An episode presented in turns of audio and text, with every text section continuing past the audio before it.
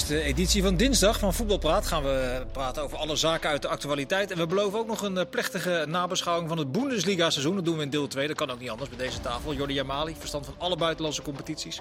En een beetje van het binnenland ook. Tot ja, ja, ja, ik doe mijn best, maar het is wel, uh, ik zit tussen de kanonnen. Ja. Dus uh, wat dat betreft uh, spannend vanavond. Simon Tjommer is Duitser met alle eigenschappen die daarbij horen vanavond. Dus maar, ook, maar verstand van één competitie, wou je zeggen? Mm, gaan we het over hebben. Welkom in ieder geval. En met Mark van Rijswijk, voetbalorakel. actualiteit, dat hoort bij Voetbalpraat. De actualiteit van een paar uur geleden is dat Martin Jol op het punt staat om ADO over te nemen. Dat was wel een bericht waar we alle drie, nou ja, de wenkbrauwen in ieder geval van omhoog gingen. enigszins verrast inderdaad, ja. En... Uh, ik weet ook niet wat ik ervan moet vinden eigenlijk. Volgens mij hebben de ADO-supporters dat ook een beetje. Want nou, dat zeggen dat het onder Martin Jol allemaal uh, crescendo is gegaan. Dat zeker niet. De ene speler uh, was nog niet binnen of de volgende zes kwamen alweer. Ja, want hij was tot en met februari technisch manager. Ja, en, hij, en daarin zijn een hoop beslissingen genomen die niet zo goed zijn uitgepakt, zou ik maar zeggen. Ja, nu, hij ging weg en toen had hij de club goed achtergelaten. Vond hij zelf? Vond hij, vond hij, zo gaf hij zelf aan. Nou, dat bleek van niet, want ze zijn vrij duidelijk gedegradeerd en vrij kansloos gedegradeerd. En nu heb je het gevoel dat de club zo'n beetje op de bodem ligt. Ja, en dan alsnog instappen om de club weer over te nemen. Ja, dat kan je twee kanten op uitleggen. Het is precies het juiste moment, maar iets eerder serieus en beter helpen was misschien ook wel handig geweest. Ja, Simon, de, de, de cynische conclusie is dan dat hij er alles aan gedaan heeft om goedkoop de club te kunnen kopen. dan is het wel goed, goed gedaan in ieder geval. Ja, dat dat nou, de, vraag is, de vraag is nu... En dat zal hij niet bewust, dat zal hij uiteraard nee, niet bewust. niet bewust. Ik denk ook dat hij met volle vertrouwen erin is gestapt en gezegd heeft... ik uh, doe het goed voor ADO, het is mijn club. En nu heeft hij het overgenomen. Nu is de vraag welke technisch directeur stelt hij aan? Ja, nou, het is, nog niet, het is nog niet helemaal rond. Daarvoor hebben ze. Dit is een heel politiek spel in Den Haag. Er zitten allerlei uh, bestuurstechnische uh, procedures liggen daar nog aan de grondslag voordat alles uiteindelijk rond kan komen. Maar de bedoeling is in ieder geval wel dat het in Haagse handen komt. Martin Jol dus met wat financieel goed bemiddelde vrienden van hem. En dan is de vraag. Het is altijd wel de hoop geweest, toch? Dat, is wel de hoop in, de Haagse handen dat, zou komen. Alleen, ja, het is natuurlijk best wel veelzeggend dat uh, ze eigenlijk door de jaren heen gek geworden zijn van de Chinese uh, overname. En dat dat heel slecht is uitgepakt. En dat je nu iemand anders het wil doen, nog steeds een beetje twijfelt. Terwijl je op zo'n laag punt staat. Dat is niet een lekker begin. Ja, maar ja, als je anderhalf jaar geleden aan de Hagenaar had gevraagd... wat vind je ervan als Martin Jol de club koopt... dan, dan, dan was de Polonaise, Polonaise door de stad uh, ingezet, denk ik. Maar is het ook niet dat heel veel ADO-supporters... gewoon heel graag een schone frisse, echt nieuwe start zouden willen. En nu zit je toch weer met, wat voor kliekje het dan ook is... weer mensen met een verleden en met bepaalde banden en met bepaalde connecties. En waarschijnlijk zouden zij liever zien, nou laat er gewoon een nieuwe partij komen... Dat je echt een nieuwe start ja, Maar ik denk wel dat de geruststellende gedachte voor de Haagse voetbalsupporter dan is dat het in ieder geval iemand is die het uh, goed voor heeft met de club. Want dat... je, je kunt zeggen van Martin Jol wat je wil. Maar... Precies, dat is wel, je, hebt, je hebt wel een eigenaar die, uh, de, de, categorie van Zeumeren, die uh, maar één ding wil, en dat is dat die club uh, presteert ja. op het veld. Nou is Martin best bemiddeld, maar zo rijk als Van Zeumer is hij niet. nee, nee. nee. Hebben, dat is bijna ja, maar goed, je zei ook dat hij vrienden meenam, toch? Uh, ja, het gaat om Ben Mandenmakers van de, van de Keukens en Ed Maas, die vroeger ook wel wat voor Den Haag betekend heeft. Een jongen uit het, nou jongen, man op leeftijd uit het vastgoed. Dan is de vraag wat je, hoeveel je gaat investeren, want je hebt wel, moet wel wat meenemen. En, en hoe natuurlijk. Er zijn, er zijn meerdere opties. Je kan proberen nieuw beleid te voeren, een beetje van op te bouwen, een beetje te kijken in de regio en dat soort zaken. Of je kan zeggen, nou we hebben met z'n allen een potje en we gaan proberen zo snel mogelijk terug te komen. Maar we zien uh, vrij recent nog hoe lastig het is om die KKD uit te komen. Ja. En dat is natuurlijk wel, uh, uh, je kan dat niet blijven proberen. Dus ja, welke van de twee opties uh, gaan ze voor? Nee. Ja, maar goed, het gaat nu erom dat uh, ze zijn gedegradeerd. Nu moeten ze het saneren en dan moeten ze weer stabiliseren. Dat zijn de drie termen die belangrijk waren voor ADO, toch? En ja. als Martin Jol daarin Maar kan dat in één seizoen, denk je? Nee. Nee, je kan wel snel terugkomen als je dat wil. Dat blijkt maar weer ook. Wat je nu ook weer ziet, dat uh, clubs op een snelle manier terug kunnen komen. Dat is de beste manier is, dat betwijfel ik. En ik denk dat ook Martin Jol er goed aan doet om inderdaad met zijn vrienden te kijken... oké, okay, wat voor mensen hebben we bij de club nodig die echt voor stabiliteit kunnen zorgen. En wij zijn op de achtergrond en zorgen ervoor dat uh, de randzaken, de sponsoren, de mensen zich aan de club weer binden en uh, dat Den Haag weer leeft. Ja, het is net afgelopen, de keukenkampioen-divisie. Maar als je dat allemaal zo bij elkaar optelt, wat er volgend jaar actief zal zijn, is dat wel een competitie om je nu al uh, ontzettend op te gaan verheugen. Ja, dat is fantastisch. En ik, de, een van de mensen die denk ik daar een grote rol in zou kunnen gaan spelen, is Robert Muren. Want ik kan één ding, één ding weet je zeker. Al die clubs die willen maar één ding, dat is een spits die er veel gaat maken. En dus ik gaat kan me niet voorstellen dat Robert Muren volgend jaar in de keukenkampioen-divisie speelt. Dat kan ja, ik me niet voorstellen. Maar ik denk dat er aardig wat clubs zijn met ook nu flink wat geld, nog steeds. Uh, juist omdat de clubs die zijn gedegradeerd of niet zijn gepromoveerd. Als jij Emmen bent en Emmen heeft nog steeds geld. Dan wil je toch Muren volgend seizoen in de spits hebben? Ja, maar je kan toch een centrumspits... Wat zal, hij zal toch wel wat willen verdienen aan het einde van zijn carrière, denk Ja, maar- ik? ja, er ja, 38 maar- hebt ingeschoten... Ja, maar dan is, dan is dus de vraag. Kijk, als hij, eh, als hij echt eh, heel veel geld wil pakken en hij wil naar, eh, naar Dubai of zo, of Verenigde Arabische Emiraten, prima. Dan, dat, dat gaan ze in Emmen niet betalen. Maar ik denk wel dat Emmen redelijk kan concurreren met wat Cambuur kan betalen voor de Eredivisie. Nee. Nou, hij staat niet op mijn lijstje, maar even snel een rondje. Dan zou hij in de subtop van de eredivisie van toegevoegde waarde zijn. Muren? Het is, eh, ik moet bij hem een beetje denken aan, eh, aan de spitsen van Weleer, zeg Dirk-Jan Derksens. En dat, dat niveau, zeg maar, die altijd het heel goed deden, één niveautje lager. En ik denk, ja, hij heeft het natuurlijk geprobeerd in de Eredivisie. En misschien heeft hij er wel vrede mee en dat hij het hartstikke leuk vindt om, eh, om 30, 35 doelpunten te maken op dat niveau. Ik denk misschien dat dat meer aanspreekt. En misschien ook wel met de clubs die daar nu rondlopen, dat het misschien niet eens zo gek ver is van de, van de financiële beloning ten opzichte van de subtop. Wat denk jij? Zou je er 17 kunnen maken bij Twente? Doe maar wat. Nee, ik denk niet dat hij een meerwaarde is voor de, voor de eerste tien clubs in de Eredivisie. Ik denk ook dat Robert Muren slim genoeg is en gezien heeft wat hij, wat hij eh, gepresteerd heeft de laatste jaren. Ik had nog een gokje gewaagd op NEC als ze in de, in de keukenkampioen-divisie waren gebleven. Ja, als met Boekhoorn. Maar precies, Ja, Boekhoorn met het geld nu, erbij. nou, maar nu gaan ze omhoog, Ja. dus ik twijfel nog of dit gaat doen. Maar ik denk ook dat een Emmen goed eraan doet, ook met het vertrek van de Leeuw, eh, om zo'n speler erbij te halen. En Robert Muren, wat bij de discussie vorige keer ook, als hij niet echt voor het geld gaat, dat betekent naar de zandbak.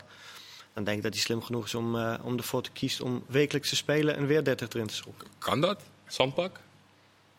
Als je zoveel goals hebt gemaakt, komen er zeker wel een paar deurtjes, of gaan een paar deurtjes op een kiertje. Oké. Dan moet je alleen zo een beetje goede, zaak, open een beetje goede zaakwaarnemer hebben. Eh, het andere nieuws van vandaag was eh, dat Petrovic niet doorgaat eh, bij Willem II. Willem II niet doorgaat bij Petrovic. Dat bleef een beetje boven de markt hangen hoe dat nou precies zat.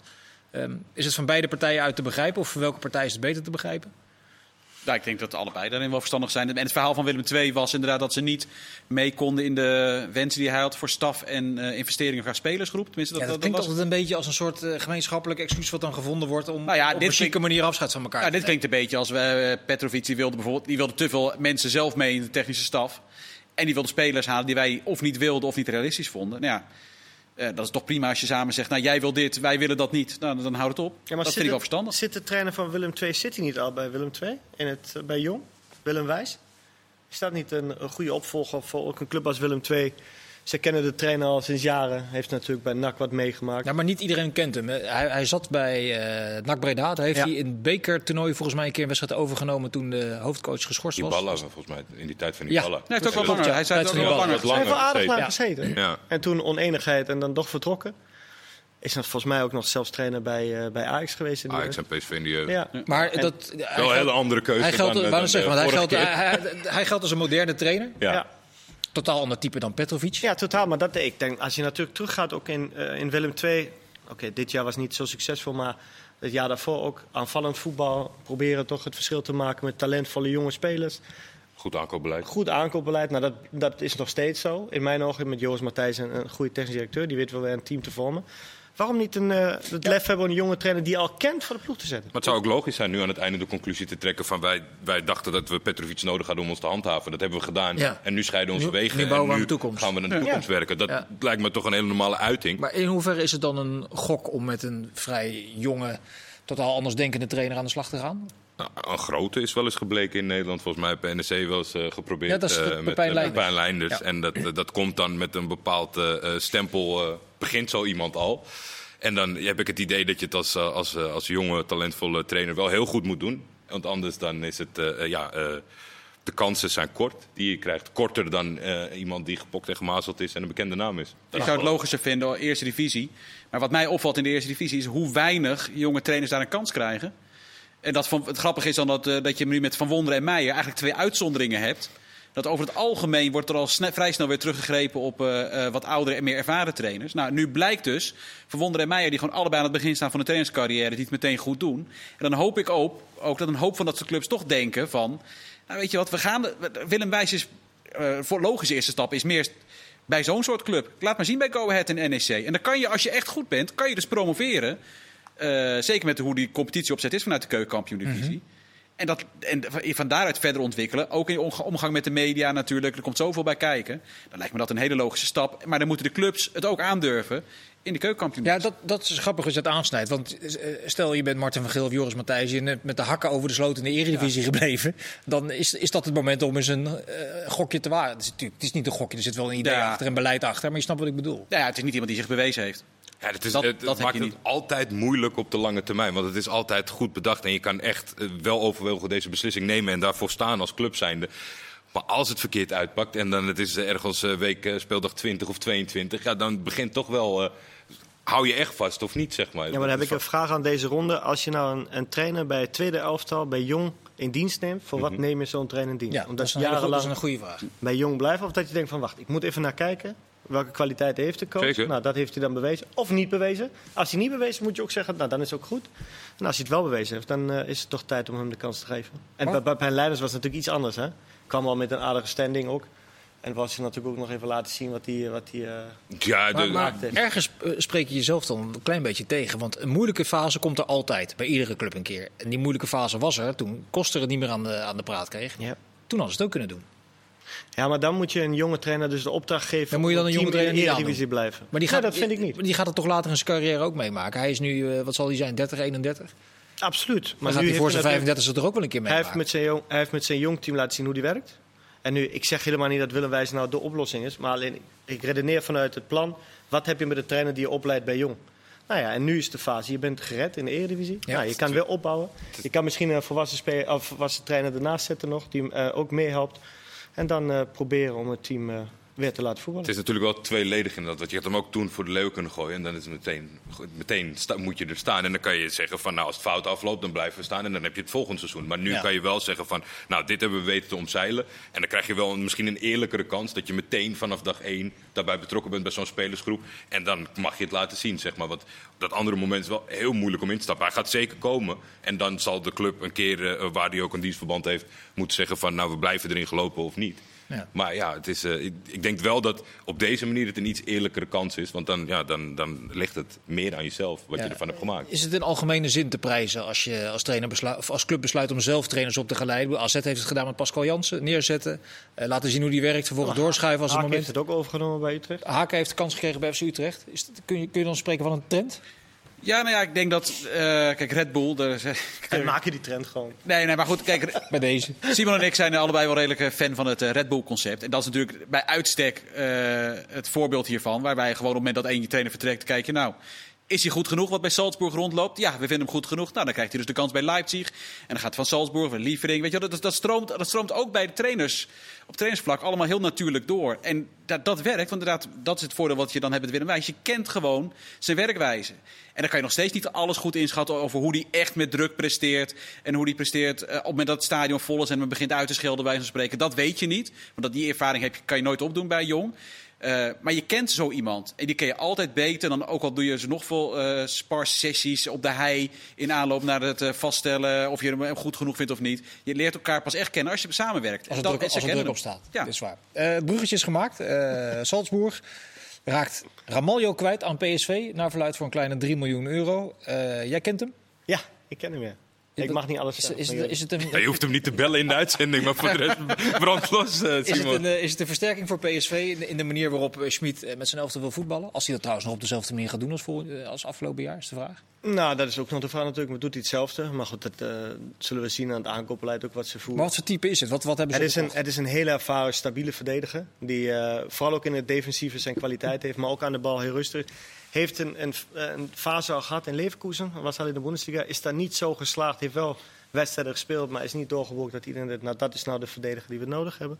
Is dan teruggaan naar Salzburg, die hem heel graag erbij wilden hebben om een ervaring aan de ploeg toe te voegen. Eh, op, in ieder linie eigenlijk. Hebben ook een al ervaren middenvelder teruggehaald van Bremen, Junuzovic. Nou, hebben daardoor weer eh, ook getracht in Europa zeg maar, beter te presteren. Daar was Ramaljo heel belangrijk voor. Nou, en nu begrijp ik, als je een speler ervaren moet hebben in de verdediging bij PSV, die ook een team kan leiden, en dat niet alleen maar met heel veel bombarie, maar ook op zijn kwaliteit als speler, dan is het een goede speler om te halen. Het is niet een verdediger waar wij over een jaar of twee zeggen, nou, dat was nou de openbaring die... eh, die ons helemaal weg heeft geveegd. En dat een speler is die nog een transfer kan maken. Ja, maar het een is wel een goede toevoeging, stabiliteit in de verdediging van, van Nou, PSV. ik las, eh, maar dat, dat- is dan een mening van iemand die het opschrijft. eh, niet al te snel, positioneel goed. Ja. Dan denk ik, nou, dat kan ook zomaar kwetsbaar zijn als er eh, rap wordt omgeschakeld. Dat kan, maar hij is positioneel wel heel goed. Dus dat zeg ik, dat is ervaring natuurlijk. Zoveel je mee- meegemaakt, ook in de Bundesliga gespeeld. Het is niet alleen maar in Oostenrijk geweest. Dus als je in de Bundesliga speelt, moet je ook, als je niet snel bent, precies Ja. weten waar je moet staan. En dat weet hij. Dus daar wordt hij niet geklopt. Nee, klein eh, geruchtje nog uit het Eindhovense. eh, Oh, ja, ik, ik Waar men bezig zou zijn om Luc de Jong eh, eventueel eh, serieus net een pushbericht eh, van Voetbal International dat het dus echt serieus is. Ja, is dat, eh, is dat iets wat, wat triggert, die, dat idee? Voor PSV een absolute versterking. Want, want de bewezen doelpuntenmaker in de Eredivisie. Ja, sowieso ook op het niveau waar hij nu nog speelt in Spanje. Als hij speelt, blijkt hij toch altijd weer eh, voor een goaltje goed te zijn. Ook in Nederland zelf. Dat is een absolute versterking. En weer een, een leider in het team. Nee, pff, ik Als de kans er is. Aan het, aan het 4-2-2-2 systeem van nu te denken. Is het, is het dan de meest logische eh, keuze als een van de twee spitsen, de Jong? Is toch meer gebaat bij... Ja, maar goed, dan laat ze Madueke om de jong spelen. Dan is alleen de vraag wat gebeurt met Sahavi. Misschien zij- we ook, ook wel een vinkje als de jong terugkomt. Misschien gebeurt er nog iets met Sahavi. De combinatie Max de Jong, Ja, ik dat daar kan je... Daar Beetje kan, Angelino de Jong. Angelino nou, de daar, Jong, daar ja, kan je, dan word je ik denk dat Luc dat eh, wel ziet zitten hoor. Moet Max wel beter gaan voetballen dan de laatste twee, drie maanden. Ja, dit, dat en was niet dus ook niet bij de selectie, hè? Dat Nee. is best opvallend. eh, niet bij de EK-selectie van Duitsland.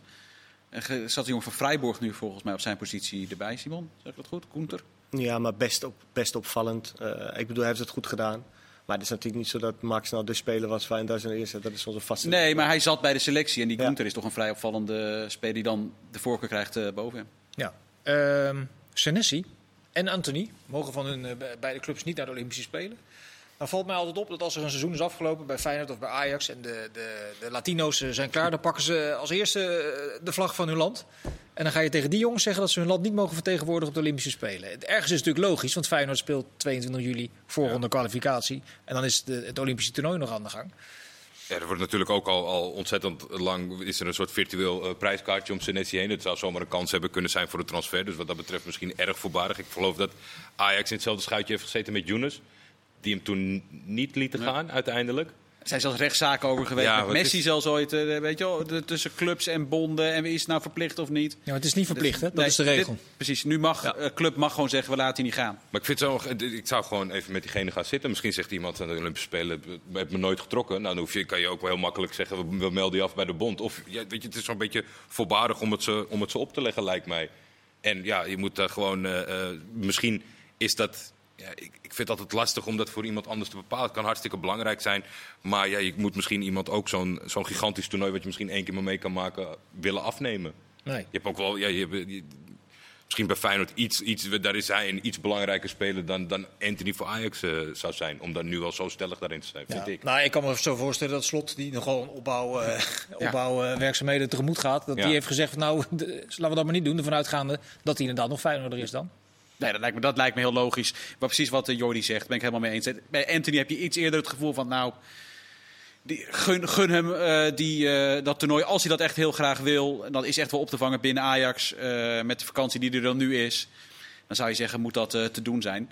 Maar goed, ook daarvoor geldt. hè. Je moet ook in overleg, want er komen meer toernooien aan. Hè? Dus met Copa America en alles erbij. En uiteindelijk ga je ook daarin in overleg. We willen ook dat je een serieuze vakantie hebt. En bijvoorbeeld dat Mbappé, die schijnt nu te hebben geroepen dat hij graag naar de Spelen wil. Ja, op een gegeven moment kan je ook een keer denken van... ja, oké, wanneer, is de, wanneer is de finale van het EK? Je hebt een vrij aardige kans dat je die speelt. W- wanneer zijn de Spelen? Zo'n bijzonder elftal is dat helemaal niet, dat Frankrijk. Maar ik zou tegen Kilian ook zeggen, jij hoeft je geen zorgen te maken dat je eerst volgende Olympische Spelen niet wordt geselecteerd. Dat, kan, dat kan je altijd nog. Ja, nee, maar, dus, maar dat is het wel. Spelers, eh, maar zeg ja, moet je tegen Mbappé nee zeggen? Maar ja, de, Bij de Olympische Spelen, ja. Ja. Dan Ja, moet je dat lijkt me nee ook. zeggen, Dat ja. lijkt me ook. Even, even ter- terug naar de actualiteit. Viel mij nog een, eh, mijn oog viel nog op een berichtje dat eh Pek Zwolle een nieuw samenwerkingsverband heeft afgesloten met Manchester City. En dat dat Go Ahead Eagles op zoek is naar eh, partnerships met grotere buitenlandse ploegen. Is, is, is dat de manier om in het rechterrijtje van de Eredivisie voor die clubs te overleven? Voor een Go Ahead is het zekerlijk heel aantrekkelijk om, om met grote clubs samen te werken. En Man City heeft wel meerdere clubs een samenwerking. Ik denk ook dat de spelers van Man City alle over in Nederland en ook in, eh, in andere landen aangeboden worden. Dus daar hoef je niet per se een partnership voor. Die hebben zoveel Nee, ik vraag me spelers. wat het dan zegt. Ja, Ja, daar daar heb je heb zoveel- een handtekening met een glas spelers. champagne erbij. Ja, nee, dat, dat vind ik niet zo eh, een- belangrijk voor Een, Pek een bepaalde vergoeding, dat je wat, eh, wat inzet. Nou ja, dat je de, zeggen nee, hebt dat over... categorie spelers. Dan mag Ja. je B, C categorie spelers eerder kiezen bijvoorbeeld aan een andere club van de club. Ja, werkt dat zo? Ja, zeker. Je hebt, bepaalde categorieën waar spelers heen En moeten. dan zegt de technisch directeur van Zwolle eh, uit, uit, Die zou ik uit, de- uit de pool 43 tot en met 57 wil ik graag drie, die drie eh, Ja, die zou ik willen hebben. Daar wordt natuurlijk nog steeds onderhandeld gekeken, want de speler moet ook nog akkoord gaan. Ja. Alleen dan kan je bijvoorbeeld dan eerder aan de, aan de slag met zulke spelers. Dat Ja. heeft bijvoorbeeld Ted van Leeuwen in zijn tijd toen heel goed gedaan bij Twente nog. Met Una bijvoorbeeld eh, Ja. gehaald. Dan had je een bepaalde categorie spelers die je wel mocht tekenen. Nou, Ja. Maar op een of andere manier, als ze de keuze beperken, dan, dan pakt het vaak wel goed uit. Als ze zeggen van nou, pak, kies ze allemaal maar welke je wil. De- de- zoals NAC even was. Ja, dat, dat heeft nooit zo... eh, ik, ik, ik zou mezelf niet zo willen beperken. Ik weet niet of dat mogelijk is. hoor. Maar ik denk als jij gewoon eh, eh, goed naar buiten communiceert... dat je misschien bij iedereen een goed talent weghaalt. Of bij, bij diverse clubs. In plaats van je zo te committeren aan City, zeg maar. Ja, dat zeg ik. Dat ik denk dat voor voorkeur PEC dat minder eh, van belang is. Maar van Go Ahead bijvoorbeeld, die natuurlijk de eerste stap nu maken weer naar de Eredivisie. Daar kan het wel heel interessant zijn. Ook misschien met andere type eh, clubs. Bijvoorbeeld uit Duitsland. Ja, niet omdat ik nou de achtergrond heb wat jij weer wat suggereren. Maar vooral omdat in Duitsland natuurlijk de tweede elftallen weg zijn gevallen bij heel veel teams.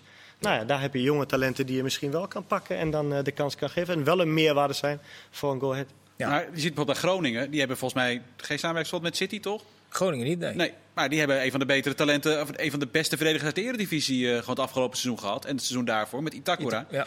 En dat ziet City natuurlijk ook. En die, ja, ik neem aan dat daardoor automatisch ook weer een soort band ontstaat. Waar we denken, wacht even. Twee jaar daar gespeeld. Hij gaat het eerst van Manchester City nooit halen hoor. Daarvoor is, hij, daarvoor is hij niet goed genoeg. Hij is goed, maar niet zo goed. Dat gaat ze weer geld opleveren. Dus als Groningen eh, nog een leuk talent op een gegeven moment nodig heeft, dan zit hij ook daar gaat kijken. En dat lijkt me een iets gezondere Ja. verhouding eigenlijk tussen clubs dan. eh, Ja, maar waar kijkt City naar? City kijkt ernaar. Onze spelers moeten heel veel speelminuten maken. En goed spelen. Dat is het verdienmodel. Gewoon 40 spelers uitrollen over Europa en eh, hopen dat er 20 met winst kunnen doorverkopen. Zodat ze uiteindelijk ja, die of ene top verder verhuurd worden, dat het geld constant blijft rollen. Ja. Eh Wijnaldum tekent voor drie jaar in Barcelona, eh, hoogstwaarschijnlijk. Ehm, is dat voor hem goed? Ja, dat is hartstikke mooi. Nog een Nederlander erbij. Ik ben benieuwd. Ja, het zal voor hem ook heel interessant zijn wat, Koeman, eh, wat er met Koeman gebeurt. Ja. Die, die zijn uitgepraat en hij is nog Half niet, uurtje, heeft een half uurtje geduurd. Ja, Het, hij is nog niet weg. rapport. Ronald is nog niet weg. Dus dat is eh, positief in ieder geval. Oké, nou zometeen, eh, want we hebben nog maar 10 seconden, het volgende onderwerp aansnijden. Heeft niet zo heel veel zin meer. De Zometeen Bundesliga. gaan we praten uitgebreid over de Bundesliga het afgelopen seizoen. En over de afvallers van het Nederlands elftal. Morgen de selectie. Graag tot zo. Deel 2 van eh, Voetbalpraat gaan we het hebben over de selectie van het Nederlands elftal. Want morgen dan komt er een einde aan het grote gezelschapsspel van wie moeten er allemaal afvallen. Eh, we doen nog één ronde in dat grote gezelschapsspel. Want we gaan van 34 naar 26. Er waren heel veel rechtervleugelverdedigers eh, geselecteerd, Mark. Als jij het nou zo even op een rijtje moet zetten, welke acht zou jij dan laten afvallen? Eh, alle acht? Want jij, hebt- jij hebt ze alle acht erbij. Ja, ik had een schot voor de, ik had een schot Ja. voor de boeg gegeven. Dan moet je me zeggen wat je ervan vindt. Eh Bizot als doelman. Veldman, Sint-Juste, Karsdorp, Tete, Vilena, Promes, El Ghazi als afvallers. Ja, het enige waar ik in dat opzicht over twijfel is eh Hatenboer af laten vallen Sint-Juste mee. Omdat je, je alternatief achter de Vrij is Timber. Op, Ja. en dus eigenlijk in de selectie die jij hebt. En dat vind ik net wat te link eigenlijk. Ik weet niet, kijk, ja, laat eerlijk zijn. Ik vind Timber een geweldig talent. Maar ga je met Timber als enige alternatief voor de Vrij het EK in? Zijn er andere spelers van de centrale verdedigers die ook rechter centrale verdedigers zouden kunnen spelen? Want je hebt op zich nog, zonder Sint-Just, heb je nog vijf eh, centrale je- verdedigers over. De Vrij, Timber, De Licht, Blind, Ake. Ja, kijk, als Blind topfit is, is dat wat makkelijker op te lossen. Want dan zou je toch met Blind en de licht kunnen spelen. Dan is het volgens mij eh, is het helemaal niet zo problematisch. Maar ja, dan, als dat zo is, als je een topfitte Blind hebt, dan heb ik wel minder moeite mee. Wat ik zeg, want dan is eigenlijk de licht je alternatief. En dan schrijf je Blind gewoon, zet je Blind centraal naast eh, de licht. Ja. Je hebt ook zitten goochelen met eh, namen en eh, posities en dubbelbezetten en systemen. Ja, systemen en dat soort zaken. Maar grotendeels wel, denk ik, ja, denk het ook wel eens. Ik, vind- ik vind keeper echt, echt lastig. Ook wie, wie gewoon eh, überhaupt in de basis zit. Nou, hoe het is gelopen, de aanloop van dit seizoen. Ik twijfel een beetje met betrekking tot eh El Ghazi laten afvallen. Ten faveur van, van Bergwijn. Het is gewoon een beetje. Ik, heb, ik, ik vind het een beetje spijtig met sommige dingen. Dat we in, het aanloop, in de aanloop hier naartoe niet wat meer zaken hebben getest, zeg maar. Dus ik begrijp de, de twijfel misschien wel rondom El Maar waar, doe je dan precies op? nou ja, het is, Bergwijn heeft natuurlijk ontzettend weinig gespeeld. Dus bijna, bijna eh, eh, zeg maar, met alle goede bedoelingen. En dat, ja, soms is dat een beetje onafvolgbaar bij Oranje. Moet je, hoeveel invloed heeft het of je speelt of wat je rol is in, in, in, in het Nederlands elftal, zeg maar. Ik- Voor mij was er was altijd kritiek op Strootman en Babel. Nou zijn die de laatste weken in het seizoenen en in de stappen die ze hebben gemaakt ineens wel heel veel gaan spelen. En ook belangrijk bij hun clubs gaan worden. En in die fase worden ze dan weer niet geselecteerd. Ik, ja, ik denk El Ghazi op basis van wat hij het seizoen lang heeft laten zien. Maar had hem dan wel iets eerder ook wat speelminuten gegeven bij Oranje, zodat je het ook op, op die manier kon zien. Ja. Nu is het moeilijk. Zeker. Het, misschien is het wel de meest ingewikkelde eh, van die selectie van 34 terug naar 26. De positie van rechter spits. Want Daar lijkt Ja. eh, Berghuis wel eh, zeker van zijn plek. Je hebt geen alternatief. Nou, Geen goed alternatief eigenlijk, want Bergwijn is dan een alternatief. Die heeft niet gespeeld. Algazi is niet getest in Oranje. En Stenks zit daar een beetje tussenin, zal ik maar zeggen. Nou, die zit er niet bij. Maar als je dit zo ziet en die selectie, en met name die rechterkant voorin, krijg je toch alweer een eigen. Had Stenks er misschien niet toch bij moeten zitten, omdat je. Ja, de, al- de alternatieven voor Berghuis eh, zijn gewoon heel beperkt. Ja, of zijn er, is het juist zo dat wij helemaal niet zoveel rechtsbuiten nodig hebben... dat we een heel ander systeem kan spelen? nou Simon, vertel. Ja. Gaan we- wat gaan we, oude wat gaan wij doen dan? Een eh, op 5-3-2 EK? een 5-3-2 bijvoorbeeld. Denk je? Nou ja, als je kijkt naar de kwaliteiten die het team heeft... Maar is dat, is dat nodig in de poolfase? Nee, maar het gaat, kijk, een 5-3-2 hoeft niet meteen defensief te zijn. Ik denk dat hij daarop ook suggereert nu met de tegenstanders Oostenrijk, Oekraïne en... eh, Noord-Macedonië. Moet ik Noord of moet ik Macedonië? Nee? Noord. Noord-Macedonië. Noord- worden ze heel erg boos. Oké, Noord-Macedonië. Ik denk dat je ook in 5-3-2 heel offensief kan spelen. Dat je bijvoorbeeld eh, de twee backs heel hoog zet en dan eigenlijk een 3-5-2 speelt. Dan heb je altijd drie verdedigers achter. Maar daar zit je wel in de kwaliteiten van de spelers die je op dit moment ter beschikking hebt. En ik ga volledig met Jordi mee. En dat is zo jammer aan de... Ik zei net gek, ja, morgen wordt het bepaald. Terwijl de spelers nog niet allemaal zich hebben la- kunnen laten zien in de trainingen. En dan kan je bijvoorbeeld een El Ghazi en een Bergwijn veel beter ook een week of tien dagen bekijken. Om te zeggen, oké, weet je, je bent inderdaad in de topvorm die ik nodig heb. Ik neem jou mee in plaats van een ander Maar speler. jij zegt nu heel stellig, dan, dan, dan heb je met deze selectie het beste systeem voorhanden. Eh, Is dat eigenlijk wel zo? Een 4-3-3 met een punt naar voren is toch voor deze eh, internationals over het algemeen ook wel gesneden koek? Als je nu kijkt naar bijvoorbeeld de centrale verdedigers. Dan denk ik dat, dat misschien de Vrij zelf ook wel een voorkeur heeft voor, voor drie man achterop. Dat is natuurlijk wat hij heel lang speelt eh, al en ook heel goed doet. En de paar keer dat hij eh, in Oranje dan eh, in, de, in de tweemans defensie heeft gespeeld, was het niet altijd even gelukkig. Nou ja, de afwezigheid van een, van een, van een concurrent voor Berghuis. Op het middenveld, waar toch wel, denk ik, de, beste, de beste linie blijft dan een beetje intact. En het is, ja, het, is, het is ook een beetje een mindset met z'n allen. Ik denk dat het niet erg is om je speelstijl aan te passen op het aanwezige talent. En ja, het is wel, je weet gewoon 100% zeker dat als je 5-3-2 gaat spelen, al dan niet aanvallend, het, het gaat niet goed. Ja, nou, dan kan je best, dan kan je best wel eh, je, je koffers pakken, denk ik, in Nederland. Ja, dan begint het eh, gezamenlijk wel een beetje. Maar Ja. is nodig. Nou, als je de, als je de sterkste basiself hebt, niet. Eh, omdat je als je met Berghuis, eh Luc de Jong en Memphis dan voorin bijvoorbeeld zou spelen. eh, daar ga ik dan vanuit, dat is prima. En dan heb je, dat kan zeker tegen Noord-Macedonië wel. Ehm, maar goed, ja, kijk, wat, eh, wat, ik neem wat Simon ook op doelt, is dat je bijvoorbeeld blind zet tussen de licht en eh, de vrij. En dan kan je Wijndal aan de ene kant laten rennen. En ik denk Dumfries, maar het kan ook Hatenboer aan de andere kant zijn. Ja, dan kom je Ja, uiteindelijk maar jij zegt laten rennen. Maar, maar tegen tegen die vleugels worden wel bezet. Tegen de tegenstanders die je in de pool hebt, kom je dan niet in een situatie terecht waar ze er al staan. Ik heb op een of andere manier bij 5-3-2 altijd het idee dat het meer een omschakelsysteem is dan een systeem waar je heel dominerend mee kunnen, kan spelen. Ja, maar daar ben ik het dus niet mee eens. Nee, even- dat mag. Ik vind een 5-3-2 vind ik juist, omdat je het middenveld heel sterk kan bezetten, vind ik juist ook een, een, een, nou, een systeem waar je in kleine ruimtes heel goed mee uit de voeten kan. Als je dan ook nog een Memphis bijvoorbeeld in een twee-spits systeem plaatst, nou, die zich natuurlijk ook graag eh, wil laten vallen, dan zorg je dat je in een kleine ruimte heel veel spelers hebt, een beetje het Spaanse. En eh, als je dat goed, nou, dan moet je wel heel veel kwaliteit hebben om het goed uit te spelen. Maar dan kan het zelfs ook een, een, een spelvorm zijn waar je natuurlijk ook overlopende spelers hebt. Waar je ruimtes creëert waar je in kan duiken. Maar goed, gekscherend was net gezegd, 5-3-2 is een mogelijkheid die we kunnen spelen qua talent. Maar wat Mark natuurlijk wel zegt, als je de top drie eh, aanvallers opstelt, kan je natuurlijk ook een 4-3-3 spelen. Alleen, je hebt weinig alternatief achter Berghuis. Ook inderdaad omdat Stenks niet het seizoen heeft gehad wat wij allemaal hadden gehoopt. Nou, je neemt natuurlijk ook nog Gakpo mee. Nou, die speelt eigenlijk ook meer vanuit de linkerkant. Dus dan ben je aan links wel sterk, aan de rechterkant wat minder sterk. En dat is, dat is gewoon ook een reden waarom ik over nadenk. Nee, je kan misschien ook variëren in het systeem. Spelen ze dit eh, gezelschapsspelletje eigenlijk in Duitsland ook? Met alle talkshowtafels en mensen thuis, want die moet afvallen en die niet. En eh, dat systeem. Ja, en eh, er was heel lang een reden van dat Mullen nooit meegaat. Ja. En uh, nou, Hummels en Mullen zijn terug. Dus Ja. de wonderen zijn de wereld nog niet uit in, in Duitsland. Zijn die er ook nog bij als eh Hansi Vliek het gaat overnemen volgend jaar, na het, eh, na, of volgend jaar, het komende seizoen na het EK? Ehm, het ligt aan hoe lang die nieuwe twee... bondscoach voor de duidelijkheid. Ja, absoluut. Dat, Maar wat het is ook nog al steeds sinds niet officieel, november toch? bekend. Maar het wil iedereen weten, maar het is nog niet bekend. Het is sinds november volgens mij bekend dat Ja. eh, dat, dat gaat Ja. worden. Maar eh, nee, ik, eh Mullen heeft zo'n waanzinnig goed seizoen gedraaid. En eh Hummels is vrij stabiel, terwijl ik in de laatste weken wat toch wat. Het is een lang seizoen voor alle spelers. Daarom ook nogmaals over de Olympische Spelen. Het is allemaal een beetje veel. Dus ik begrijp wel als clubs zeggen: alsjeblieft, focus je ook op de club. Ehm, maar een als die in deze vorm blijft, ja, dan is die onmisbaar voor, voor nationaal elftal. Ja, met Fliek is de bruggetje gemaakt naar onze grote Bundesliga terugblik. Die we nu gaan starten. Waar Bayern de kampioen eh, eh, werd. Uiteindelijk weer met een gigantische voorsprong. Eh, wat ik me nou afvraag. Die, ja, die, die schijnt ergens.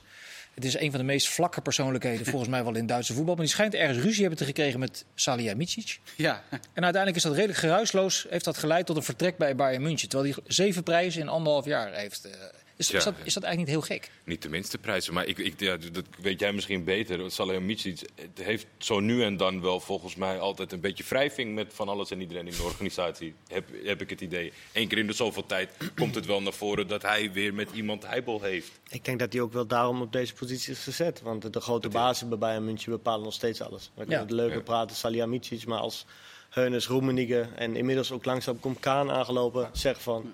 Je mag het allemaal vullen, maar Flik blijft. Dan was Salihamidzic ook rustig Ja, maar dat, is Dus eigenlijk, dat, is, dat is eigenlijk mijn vraag. Hoe, hoe kan het nou dat bij een club waar het altijd onrustig is, het nu anderhalf jaar rustig is, dat ze er zelf in slagen om weer onrust te creëren door die, door die succestrainer te laten gaan? omdat Roemenigge en eh, Heunis elkaar ook niet mogen. Eh, daar, zit, daar zit natuurlijk ook eh, het een en ander aan eh Ja, wrijving. dus hij zelf misschien oog op Nagelsman.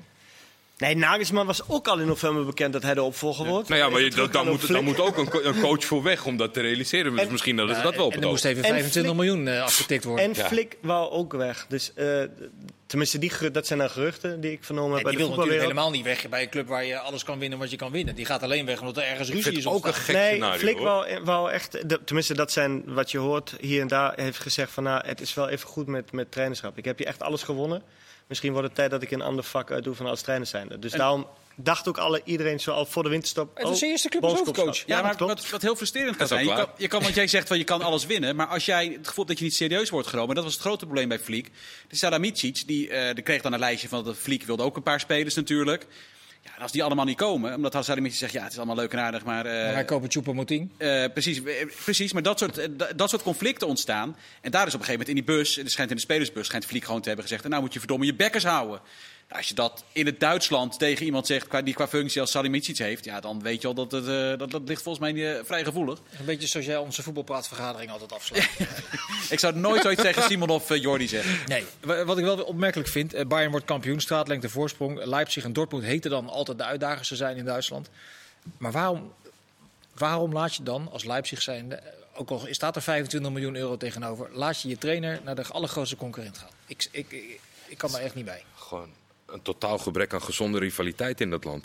Dat is echt, eh, wat het, voor- voor- volgens mij wat ik begreep heeft hij het ook al van tevoren laten vastleggen. Ja, maar Dus is zeg er een, dat is toch, dat is is er toch een concurrent voor Bayern dan? bizar scenario.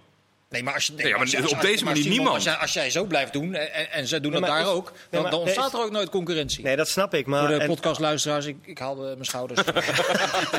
heeft mij nagedaan. Ja. Nee, maar het is het simpel zo. Bayern München is onaantastbaar de nummer 1. En ik begrijp, de enige echte uitdaging die er op nauw op de loer ligt, is ook Red Bull.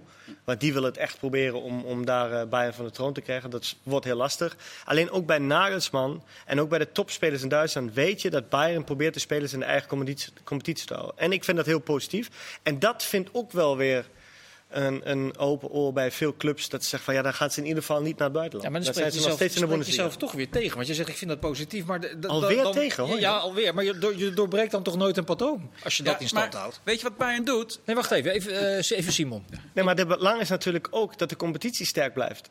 Daar verdienen ook alle andere clubs mee. En dat is belangrijk. Ja, maar dan kijk je naar de geld. Dat is onzin. Dan kijk je naar de geld. Je is wilt, toch je geen supporter die- Leipzig Dortmund wil je, dat toch, die, wil je toch die hegemonie doorbreken? ja, Dan maar het mooie je is, tra- ja, maar het mooie is... Hoe kun je dan al die verhalen... Maar wacht even, hoe kun je nou al die verhalen van ambitie geloven... als je de trainer, eh, al staat er een behoorlijke financiële vergoeding tegenover... naar de grootste concurrent laat gaan? Dat Ja, maar je, je schetst nou iets bijvoorbeeld... ook de spelers die altijd van Dortmund richting Bayern gaan. De twee presidenten hebben een fantastische verhouding. Dus, dat is toch waardeloos? ja, maar dat is toch heel simpel. zo. Maar het is, het is heel simpel zo. Je wil ook een sterke competitie behouden. De competitie is ook iets wat geld meebrengt voor alle clubs die daarin spelen. En ja, je hebt gelijk. Het is niet altijd... Ja, het is wel verbazingwekkend voor veel supporters ook... als weer een speler richting Bayern vertrekt... die net zeg maar zoals Lewandowski Dortmund bijna richting eh, kampioenschap heeft geschoten. Maar uiteindelijk blijven de spelers en maken de competitie waar andere Ja, clubs maar nu, weer- nu, nu vergoeilijk je dat hele marketingverhaal van de Bundesliga. Eh, Ja, maar dat is het hele verhaal waarom de spelers en ook clubs geen Ja, groot probleem hebben als ze naar Bayern is uiteindelijk vreet iedereen er beter van. Dat, dat, dat, dat, dat, dat verhoudt zich toch niet met een spannende competitie. Ja, tuurlijk vreet iedereen er beter van als het geld wordt ook nog betaald. Het geld terugkomt weer in de Bundesliga en alle andere clubs daar ook van profiteren. Natuurlijk vreten clubs Dus indirect leggen, leggen al die concurrenten van Bayern zich neer bij de hegemonie van Bayern. Daar komt het dan op neer. Op een gegeven moment wel, ja. En wat ik zeg, de enige die op dit moment nog probeert er tegenin te gaan, dat zijn of ze worden heel vindingrijk, zoals Dortmund het heeft nu gedaan met het Sancho, dat ze weghalen uit Engeland, waar Bayern niet achteraan zit. Of een Haaland dan toch eerder wegkapen, waardoor ze dan toch nog kunnen aanvallen, wat dit jaar niet gelukt is. Het enige club die wel dit probeert te doorbreken, is een Red Bull. En ja, bij deze trainer was het gekscherend zo dat hij altijd gezegd heeft, dat wordt de volgende stap die ik wil zetten. En dan komt Bayern. Nou, maar goed, dan wordt ook nog 25 miljoen gevraagd voor een trainer. Dat had natuurlijk ook niet iedereen verwacht, dat het geld dan ook nog betaald gaat worden. Want jij zegt net terecht Lewandowski. Eh of jij hebt het over Lewandowski. En waarom laat je die dan gaan? Maar met, met Lewandowski is natuurlijk het allerbeste voorbeeld. Bayern wil Lewandowski. Dortmund zegt, nou, eh, Lewandowski eh, die willen wij niet laten gaan. Dat is veel te belangrijk voor ons. Zegt Bayern, nou prima. Wachten wij lekker tot hij uit zijn contract is. Robert, wacht je even. Prima. Robert, wacht even. Krijg je extra tekengeld. Gaat die transfervrij naar Bayern. Dus uiteindelijk, omdat die, die spelers willen dat ook allemaal. Dus Dortmund kan wel zeggen, nee, nee, Lewandowski blijft bij ons. Maar dan gaat hij een jaartje later. Manuel Neuer, ja, Schal- wat, kan, wat kan Schalke nou doen om te voorkomen... De- iedereen weet wel dat Neuer de beste keeper is. Maar Bayern zegt, ja, wij willen Neuer. Nou, dan kan je hem tegenhouden. Maar uiteindelijk gaat hij, hij gaat naar Bayern. Op wat voor manier dan ook. Ja. En dat is heel frustrerend. Alleen, ik vind niet dat je dat de clubs kan verwijten. Want op het moment dat ze nee zeggen, dan zegt Bayern gewoon letterlijk... Goretzka was toch ook transfervrij, volgens mij? Ja. Ja. Ja, Goretzka was ook transfervrij. Dan, dan zegt Bayern, nou prima, joh, de, de Schalke dan verkoop je Goretzka niet aan ons. Nee, Dat dus mag- iedereen mag legt zich er eh, vrolijk bij neer. Nou ja, als je, als je, wat is het alternatief? Of je verkoopt, eh, wij spreken Upamecano aan Bayern. Of Bayern zegt, nou Upamecano, blijf jij nog even lekker eh, een jaartje in, eh, in Leipzig voetballen... en dan halen we je voor niks op. Ja, maar of, allemaal die spelers, of de spelers vertrekken Ja, naar het buitenland. Die hebben ook... Ja, maar, Ja, maar- je- ja, maar als als de je spelers zegt, vertrekken naar de, het de buitenland, en voorzitters... Dan vertrekken ze naar het buitenland. Ja. en dan maak je in ieder geval je concurrent niet sterker, Simon. Dat is het hele Ja, maar dan idee van Bayern toch een andere de speler met competitie. dezelfde kwaliteit. Het Ja. is toch niet zo Ja, maar dat dan, in ieder geval, die dan, in blijft ieder geval, spelen. dan in ieder geval niet van jouw elftal. Ja, maar dan blijft toch het geld roleren in oh, de Duitse markt. geld schijnt nou toch uit. Je moet toch, je gaat Maar je toch weet- niet- je- je wij zeggen altijd voetbal draait om geld inmiddels. En nu zeggen wij dat het geld in de markt blijft. En nu zeg je geld scheidt uit. Nee, Daar gaat niet, het toch niet als je in een interne competitie speelt waar de grote concurrent zeven keer achter elkaar kampioen wordt. Acht keer, wat is het inmiddels? Negen, dit was de negende. Negende. Ja. Nee, dan, dan moet je dat toch een keer doorbreken. Dan kan je toch niet iedere keer wijzen naar... ja, het is voor de competitie goed als het geld in het land blijft. Ja, toch onzin. Je wil het toch doorbreken. Om een Ja, maar- spannende en je- en- uiteindelijk, is het ook, het niet. uiteindelijk is het toch ook voor de marketing en weet ik het wel... niet goed als er één club ieder jaar Nee, eh, voor de aantrekkelijkheid van de Voor competitie. aantrekkelijkheid. Als je in het buitenland Ja, wilt. Daar daar- leef, daar leef je echt op in. Op het moment dat plek 1 is uitgesloten. Dat heb, heel veel competities hebben daar, vinden daar, hebben dat lastig daarmee. Maar als je daar, eh, zeg maar gewoon, als je zegt, ja, het is ook moeilijk te verkopen natuurlijk naar een speler toe. Als je zegt, ja, de voorzitters van Dortmund en Bayern, die zijn ontzettend goed met elkaar en die kunnen het goed met elkaar vinden. Je zou zeggen, dat- heb ik altijd een beetje gevonden, er ontbreekt een stukje gezonde rivaliteit. Waarmee je dan ook, weet je, tegen, je moet toch ook met zo'n spelersgroep, die moet je kunnen motiveren om daar tegen op te boksen. Maar dat, die moet je dan toch ook een beetje stuwen in dat ze de aardsvijand zijn. En dat je daar niet wil zijn. Ja, maar iedereen wil. Maar ja, iedereen wil er ook zijn. Maar ja, als iedereen, Iedereen ook wil zegt ook dat tegen Bayern ik winnen dat, Ja, dan komt het nooit goed. Nee. Maar goed, Eh, volgens mij even nog één ding erover over Dortmund dan. Kijk, Dortmund had natuurlijk de hegemonie makkelijk kunnen doorbreken in de periode dat Kovac er zat. En dat is denk ik het grootste gemis. Want toen had Dortmund ook de ploeg. En Bayern was heel kwetsbaar. En ik denk dat dat het grootste gemis is geweest. Dat je juist in die periode dat Dortmund heeft toegeslagen. ja, maar het is een terugblik op, op dit seizoen. Ja, nee, oké. maar goed, Dus dat- ik wil even weer maar naar dit, maar dit dit seizoen was die kans er gewoon eigenlijk niet. Terwijl Bayern echt niet zo heel goed was. Nee, maar, en, maar, en, lag die kans eigenlijk niet. En komend seizoen al helemaal niet. Want of Haaland gaat weg, of Sancho gaat weg. Of ze Of gaan allebei weg. gaan Of ze gaan allebei weg. Ja. Ja. en dan lijkt het ook alweer klaar. Eh, eh, eh, Leipzig is Nagelsman kwijt, Upamecano kwijt. en Konaté gaat naar Liverpool. Ja, succes daarmee. Ik zat nog even naar dat Leverkusen te kijken trouwens. Die speelde de laatste wedstrijd voor de winterstop om, om de koppositie tegen. Bayern. En toen gaf hij daar weer een rare breedte bal. En toen verloren ze die wedstrijd nog met 2-1 dacht ik. Ja. Die zijn uiteindelijk op 26 punten geëindigd van eh, Bayern München. Ja. Een halve competitie later. Dus ze zijn overigens met het ontslag van Peter Bos eh, vrij weinig opgeschoten. opgeschoten. Ja, maar dat zie, je, dat zie je in alle clubs eigenlijk die minder gepresteerd hebben in de tweede helft van de competitie. Ehm er was al onrust voor het ontslaan van de trainers. Ook bij Leverkusen was er natuurlijk al ongeruimdheid bij de club. Waardoor het ook niet helemaal vlekkeloos verder liep. En, en Peter Bos uiteindelijk de club moest verlaten. Maar dat zie je bijvoorbeeld ook bij Mönchengladbach. Die op een gegeven moment gezegd hebben... de trainer gaat met Borussia Dortmund. Gaan ook alle, alle punten zeg maar, die ze daarvoor hebben gehaald, die gingen in rook op. Want ze hebben daarna bijna alles verloren. Ja. Dus het is, Frankfurt, dat nog even weg. eh. eh, Ergens ging, overal ging het minder. nooit begrepen van een voortijdige melding dat je trainer weggaat. Zeg maar in een lopend seizoen. Ik, nou, ik, ik, ik, vaak- weet, ik weet geen voorbeeld dat- eh, van dat dat goed is Nee, uitgepakt. eh, even, ik hoorde jou ik, tussen de regels door. Je hebt die Duitse competitie niet zo heel hoog zitten. Heb ik het eh, Nou, qua spanning, et ik- cetera. dus- maar het is wel een competitie waar powerhouses als Schalke en Werder Bremen gewoon kunnen degraderen. Als je er be- beleidsmatig een puinhoop van maakt. Dat vind ik dan wel weer fascinerend altijd dan die. Die Het is, het ik denk in, in, in, de, in de Ja. breedte misschien wel een van de sterkste competities. Maar ze hebben wel een probleem. En als je zeg maar aanhaalt van wat ze allemaal, eh, zoals Simon dat zegt, wat ze in Duitsland allemaal als goed bevinden. Ze hebben natuurlijk best wel een, een aanzienprobleem. Zeg maar. Als iedereen die gaat naar Match of the Day kijken en die vindt dat fantastisch. En zij staan internationaal daar niet zo heel goed op. Maar voor mijzelf, die hele strijd is altijd leuk en een degradatie eh, gebeuren eh, om te volgen ook. Maar als plek 1 vaststaat, dat, dat vind ik gewoon zeg maar, jammer. Want ik, dat, dat moet meedoen in het geheel om alle andere verhaallijntjes ook interessant te maken. Puur en alleen kijken, ja, laten we kijken wie dit jaar de laatste Europese ticket pakt. Is niet voldoende, denk ik, voor een, voor een competitie. Nee. Toch even naar die degradanten, Simon, Schalke en Bremen. Het is Ja, ongelooflijk verschrikkelijk. dat, dat die tegelijkertijd eruit vliegen. Ja, is Ja, het het- verschrikkelijk? Ja, dat is verschrikkelijk. Kijk, waarom, waarom zeg ik dat het heftige woord verschrikkelijk? Als je kijkt wie, eh, wie gedegradeerd zijn, nou, dan heb je natuurlijk met Schalke en met Werder Bremen. Nou, ik hoop dat Köln niet Ja, degradeert. die spelen play-off morgen tegen Holstein Ja, Kiel. ja, en dat wordt geen makkelijke wedstrijd. Holstein Kiel op de laatste dag niet gepromoveerd. Nou, en wie is gepromoveerd? Eh, Bochum en Greuther Fürth. En dat zijn natuurlijk ook geen clubs waar je zegt van, nou, dat zijn nou de allergrootste. En dat is nou iets te veel in, de in de eerste Bundesliga eigenlijk. En in de tweede Bundesliga tegen Hamburg, HSV, zit er nog steeds in. Nuremberg zit er nog steeds in. Nou, nu komen nog twee grootheden erbij. Karlsruhe.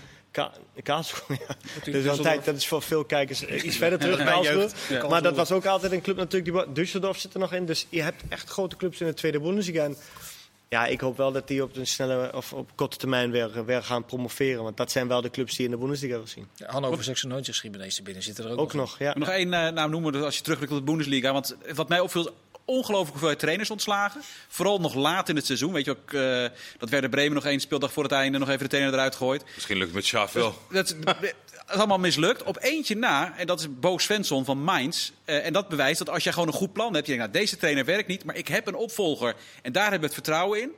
En die als Mainz, die hebben na de winterstop... Ja. Als ze zoveel punten hadden gehaald voor de winterstop, wat ze onder Svensson hadden gedaan, hadden ze Champions League voetbal gehaald. Zoveel punten hebben ze gepakt onder die Svensson na de winterstop. Die heeft het fantastisch gedaan. Die stonden na zeven wedstrijden zo laag met zo weinig punten. Er was nog nooit een ploeg die zich daarna wist te handhaven. En die Svensson, dat dat is, echt, dat is echt een fantastisch verhaal. Wat natuurlijk redelijk onderbelicht is gebleven. Want ja, het is maar Mainz. Ja. Maar het is wel een trainer om in de gaten te houden. En het is het seizoen van Lewandowski geweest. 41 doelpunten. Ja, dit is even serieus. De fans in Duitsland hebben Haaland verkozen tot beste speler van het seizoen. Ik las Nou, dat Sim- in de beeld. Simon en ik zijn grote Haaland-fans. Veel groter bestaat niet. Maar wat hebben die in godesnaam gedronken om Lewandowski... Eigenlijk had je dat niet toe, dat had je helemaal toe mogen laten. Dat, Nou, dat er even buiten- serieus.